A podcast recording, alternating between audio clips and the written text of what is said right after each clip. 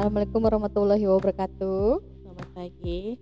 Siang dan malam, kapan pun kalian mendengarkan ini. Apa kabar nih semua? Alhamdulillah luar biasa. Allahu Akbar. Allahu Akbar. Kayak di sekolah aja. Udah tahu kan kalau yang nyapa kayak gitu siapa dia? Siapa yo? Ya nggak jauh-jauh dari Bu Guru lah pasti kalau begitu. Ini podcast pertama kita, kayaknya harus kenalan dulu. Mau kenalan gimana nih? Silakan. Ini channelnya namanya apa Bu? Nah tadi katanya The Prekos. Oh iya bener. The Prekos. Kenapa namanya Prekos? Karena kita berdua bernama Preko. Ya, kalau yang ini kakak saya namanya Frikorina Sandrawati. Adik saya namanya Prekolisa Lamhapsari. Iya, jadi kita berdua namanya depannya Frikos. Jadi The Prekos. Mudah-mudahan selalu akur karena punya nama yang sama. Tapi kita beda usianya sebenarnya jauh. 8 tahun. 8 tahun ya? Hmm, hampir deh. Hampir ya. Tapi awet muda gitu. Kakaknya yang lebih muda sih gitu. Tapi udah ubanan ya? Ya banyak kan adiknya ubannya. Kemarin baru tiga doang sih. Kakaknya belum ada ubannya. Masa? Seperti itu. Iya. Ya ini channel eh, channel kita, ini pertemuan pertama kita, podcast pertama. Perkenalan dulu. Eh Frekolisa itu dipanggilnya apa biasanya? Biasanya sih kalau temen manggilnya Coco ya. Kenapa cocok? Karena Freco itu ya. Preco. Terus tapi banyak juga yang manggil Lisa karena lembut gitu kalau dipanggil Lisa. Oh ya. iya. Oke, nama adalah doa ya. Iya. Kalau saya dipanggilnya Sandra. Iya. Di mana pun tetap Sandra. Oh, di mana pun. Dulu Korina tuh. Oh iya benar. Zaman sekolah ya. Ada juga Dona dulu pernah. Dona kenapa dipanggil Dona? Karena gue sering terlambat. Oh, iklan kopi zaman dulu tuh iya. Algi Dona dan itu sering terlambat datang ke kampus jadi Dona. Eh, ada tuh iklannya ya. Ada. Apa kopi apa sih? Nescafe ya? Eh, tapi itu si. Dona cantik loh itu si ini kan Olah Ramlan Olah Ramlan dulu sebelum terkenal. Aduh, gue tahu lagi. iya eh channel kita ini akan ngomongin tentang apa sih Eh, karena kita berdua itu punya kesamaan apa sama-sama dari mana UNJ UNJ jadi kalau orang UNJ tuh biasanya nggak jauh nggak jauh-jauh dari pendidikan, pendidikan. Jadi kemungkinan kita akan ngomong tentang pendidikan. Iya. karena kebe- kebetulan kita berdua itu punya profesi yang sama. Kakak saya ini guru TK dan saya dulu guru TK sekarang Sekarang. tapi lagi jadi dosen. Oh gitu. Ngambinya dosen? Jadinya dosen. Jadi mungkin kita ngomongin pendidikan lah gitu. Atau Iya. anak atau mungkin nggak tahu lah ke depannya mau tapi lah concernnya lebih kepada tentang eh, tumbuh kembang anak Iya, pendidikan iya betul betul betul. Karena kayaknya podcast kayak gini nih jarang. Aku tuh suka dengerin podcastnya banyak yang ya mungkin ngomongin bola seputar pendidikan tuh masih belum banyak lah. Dan menurutku penting sih penting ya pendidikan tuh dasar dari segalanya. segalanya menurut aku. Pendidikan itu bukan segalanya tapi segalanya itu berawal dari iya pendidikan. betul itu jargon di UNJ banget tuh dulu waktu di kampus bener. Jadi kita berdua anak UNJ Caca lulus tahun berapa Cok?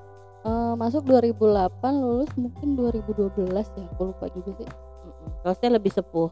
Masuk tahun 2000 lulus tahun 2005 iya. Kemudian S2 kemarin lulus 2019 Alhamdulillah. Masih di UNJ cinta banget gue sama UNJ Iya. sih. jurusannya apa mbak? Eh, S2 sih PAUD ya karena Iya. kan saya guru TK salah satunya biologi. Biologi. Kalau saya psikologi ya gitu. psikologi. Sekarang juga lagi eh, profesi psikologi ya. Ya. Jadi kita memang mau eh, lebih banyak bicara tentang pendidikan terutama pendidikan anak. Nah Coco pernah ngajar di TK ya? Iya. Hmm, kalau saya masih ngajar sampai saat ini TK. Ada pengalaman menarik nggak selama ngajar? Uh, banyak dan yang paling menarik adalah kondisi tahun ini tentu saja. Oh iya betul Luar banget. biasa. sekarang ini kan kita lagi ngalamin ini ya PSBB gitu gara-gara pandemi corona. Sebenarnya nggak nggak cuma di Indonesia seluruh dunia pun mengalami yang sama gitu. Jadi ya berefek kepada anak-anak tentunya ya yang di Iya. sekolah.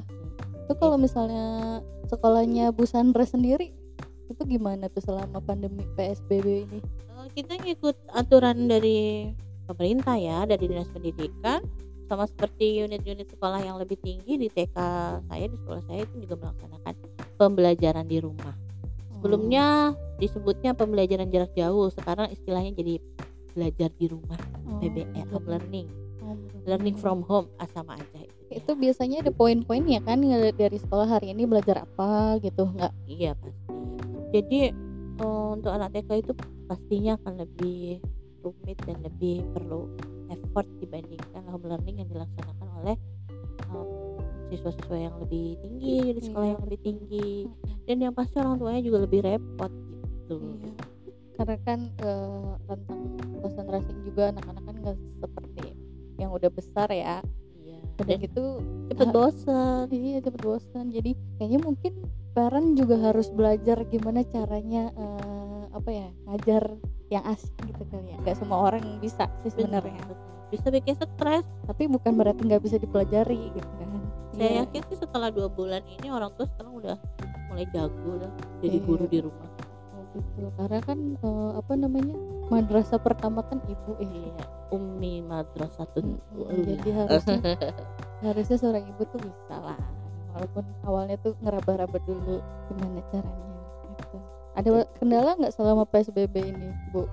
Banyak Hmm. lah terutama home learning itu kendalanya yang dialami eh, pertama kayak tadi konsentrasi anak. Dia nggak akan mudah kalau kita berikan home learning gitu tatap muka. Kan kalau anak-anak yang lebih besar mungkin bisa eh, zoom class ya belajar bersama gurunya nah untuk TK kita tetap melaksanakan tapi tentu perlu effort lebih untuk bisa membuat mereka lebih kondusif untuk duduk melihat eh, itu alatnya tuh handphone atau laptopnya itu nggak nggak jalan-jalan nggak tengok sana sini itu Hmm. perlu effort yang lebih dari gurunya untuk bisa anak-anak konsentrasi jadi gurunya juga mantau dari ya eh, kalau sekolahnya ada online jadwal gitu. untuk zoom class juga hmm, jadwal video call untuk cross check perkembangannya anak-anak di rumah. Mm-mm. tapi memang ya sebagian besar pendampingan kan tetap dari orang tua.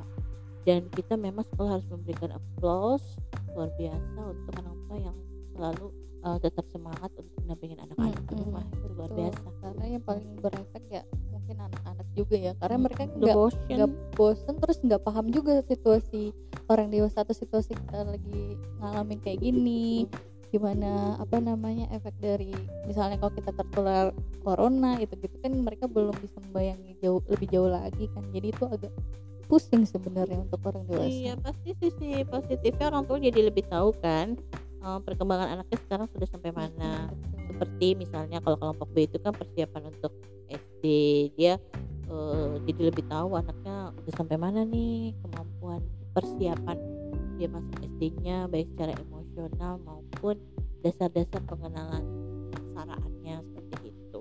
Memang kan anak-anak nggak wajib membaca ya untuk usia. TK tidak wajib bisa membaca, berhitung, menulis gitu belum wajib. Tapi dia tetap perlu kenal. Nah itu orang tua bisa kontrol nih dia udah udah sampai sejauh mana perkembangannya. Ya kayaknya itu maksudnya saya aku aja dulu waktu umur 7 tahun ya baru masuk SD itu baru belajar baca gitu inget banget ini Ibu Budi, ini Ibu A, ini Ani gitu. Emang zaman now masih ada Budi ya. Eh, sekarang sih enggak ya. nama Budi ya jarang ya. Sekarang mah udah enggak. Tapi ya gitu deh. Iya. Nanti kapan-kapan kita bahas bagaimana kita mau mengenalkan literasi buat anak-anak. Iya, Iya. ada banyak caranya sebenarnya di luar sana dan eh, apa namanya unik sebenarnya. Ya yang paling utama sih harus komitmen ya. Kan nggak semua orang punya komitmen soalnya untuk itu. Gitu.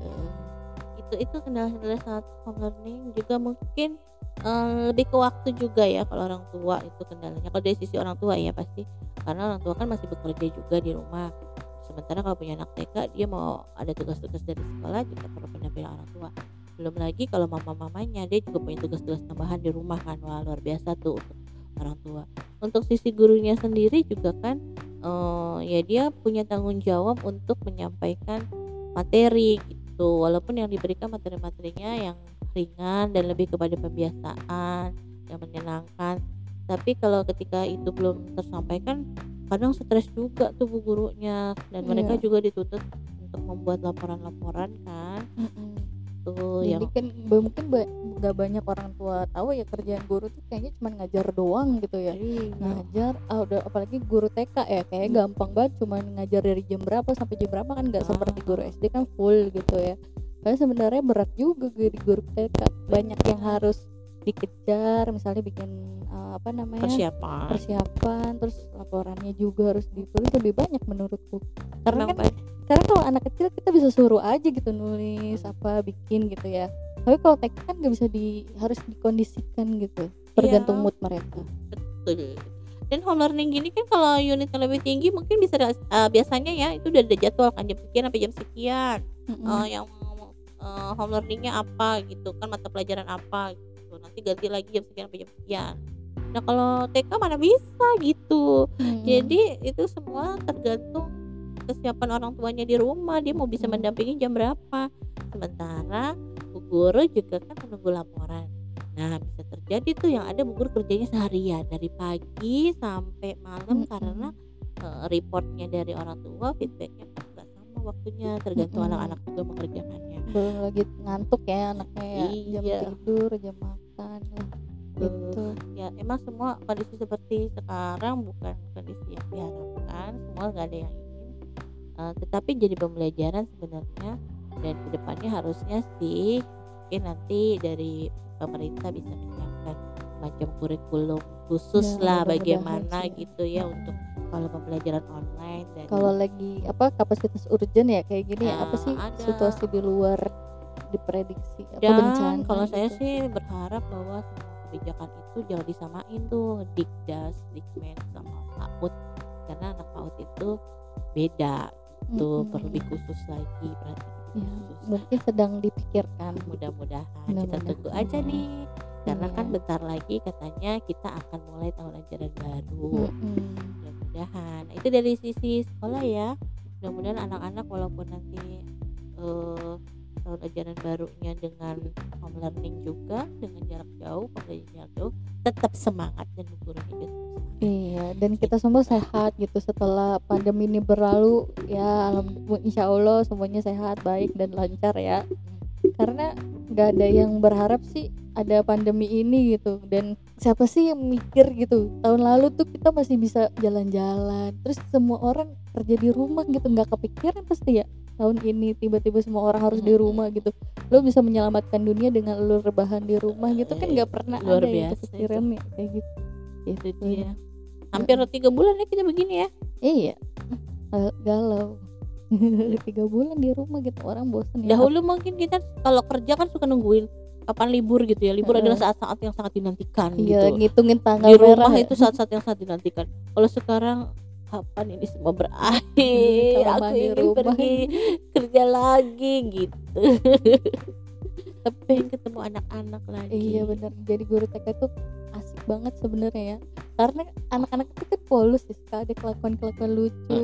benar Baunya juga masih wangi iya gitu benar ya. banget Kalau anak udah gedean gitu kan udah bau matahari gitu. dan kita adalah idola buat Iya, mereka bener. Kadang dulu pernah loh aku dititipin gitu sama orang tua. "Eh, Miss ini eh, anaknya eh, lagi susah makan sayur gitu. Nanti tolong di ini ini ya. Jadi jadi tiap hari tuh ngebahas tentang pentingnya makan sayur gitu dari Oh. cerita dari apa nggak nggak langsung nyindir anaknya gitu. Terus ternyata ada perubahan Berhasil di ya. situ berhasil Seneng gitu. deh ya Titip- kita, itu Heeh, bangga banget tuh titipan kayak orang gitu. tua gitu ya. kebanggaan bu guru tuh sebenarnya dari hal-hal kecil seperti itu itu udah luar biasa buat kita Iya dan mungkin karena guru pertama jadi berkesan ya. Aku aja sampai dewasa ini masih ingat guru pertama TK aku itu yang suka aku susahin dan oh repotin iya of itu ya. course. Bu Wiwi. Sehat Gitu ya ya, mudah-mudahan. Iya aku tuh dulu bandel banget ya. Enggak enggak bukan bandel anak yang aktif dan pintar. Iya. ya Ya. zaman dulu mungkin kita masih sulit eh, mengidentifikasi dan sering melabel anak-anak yang aktif itu dengan anak yang nakal iya betul Hmm, Padahal betul. dari keaktifan itu bisa jadi dia anak yang pintar, bisa jadi dia perlu uh, ruang yang lebih besar, Hmm. perlu materi-materi yang lebih banyak Hmm. yang untuk mengisi otaknya dia itu. betul karena kalau yang kalau sekarang aku udah inget ya nginget-nginget gitu waktu kecil sebenarnya aku kayaknya bosen gitu dari sekolah tuh Iya, karena udah udah bisa yang dikasih di sekolah Iya, gitu kan. Seingat aku aku udah bisa baca gitu walaupun nggak lancar ya baca satu kalimat gitu Mm. eh, satu kalimat berapa kata tuh udah bisa jadi bosen gitu kan. Sedangkan teman ada yang belum lancar gitu Hmm. kayak bosen banget. Akhirnya apa ngerusuh di kelas. Rusuh ya gitu. betul, itu tantangannya di kelas tuh. Iya, anak kan beragam anak dengan beragam cara belajar. iya untungnya sekarang banyak banget kurikulum ya ada Montessori kalau TK ya Montessori ada apa kalau di sekolahnya Mbak Sandra? Kita namanya- pakainya sentra. Ada lagi yang baru tuh yang dari luar juga. Cambridge. Ya kalau Cambridge sekolah-sekolah juga. yang eh, apa Waldorf franchise dari Waldorf Waldorf franchise franchise tuh. Waldorf baru baru denger juga sih. Sebenarnya kalau yang berkecimpung di dunia pendidikan mirip-mirip gitu cuman cara di aplikasinya beda-beda. Sebenarnya mungkin nanti akan kita bahas biar ibu-ibu tuh milih sekolah ya. Soalnya kemarin temenku nanya cowok gimana eh, apa namanya cara anakku mau masuk TK nih? Milihin sekolah yang bagus kayak gimana? Nah kan bagus itu kan relatif ya. Belum lagi jarak lokasi gitu. Mm. jarak lokasi tempat tinggal kan anaknya ada yang du- dulu muridku juga rumahnya jauh banget di Bintaro kuli eh, apa sekolah harus ke Cilandak gitu kan jauh Mm, ya mm. demi mengejar sekolah unggulan katanya gitu Mm. cuman kan relatif ya kayak gitu ya kalau anaknya capek di perjalanan ya Ya. kasihan gitu ya mungkin nanti kita ngomongin tentang cara memilih sekolah yang tepat ya kali aja bisa menjadi inspirasi dan masukan informasi buat yang mendengarkan gitu semoga ke depannya ini sangat bermanfaat buat kalian semua. Ada yang mau disampaikan nggak Bu Sandra? Intinya kita mau berbagi kepada yang mau mendengarkan kita gitu ya. Mudah-mudahan itu bermanfaat dengan dari pengalaman sih pengalaman dan kebetulan kita sekolahnya juga tentang pendidikan anak gitu. Jadi mudah-mudahan ada bisa dibagi dan kita juga bisa sharing gitu nanti sama para pendengar. Gitu. Seperti Iya. itu aja sih harapannya. Dan ini bagian dari mengisi waktu saat corona Hmm, ya. betul. Dari kan salah satu apa namanya kunci manusia yang sehat baik fisik dan mental adalah manusia yang produktif katanya gitu. Udah dulu ya teman-teman. Kita tutup. Dadah. Wassalamualaikum warahmatullahi wabarakatuh. Bye bye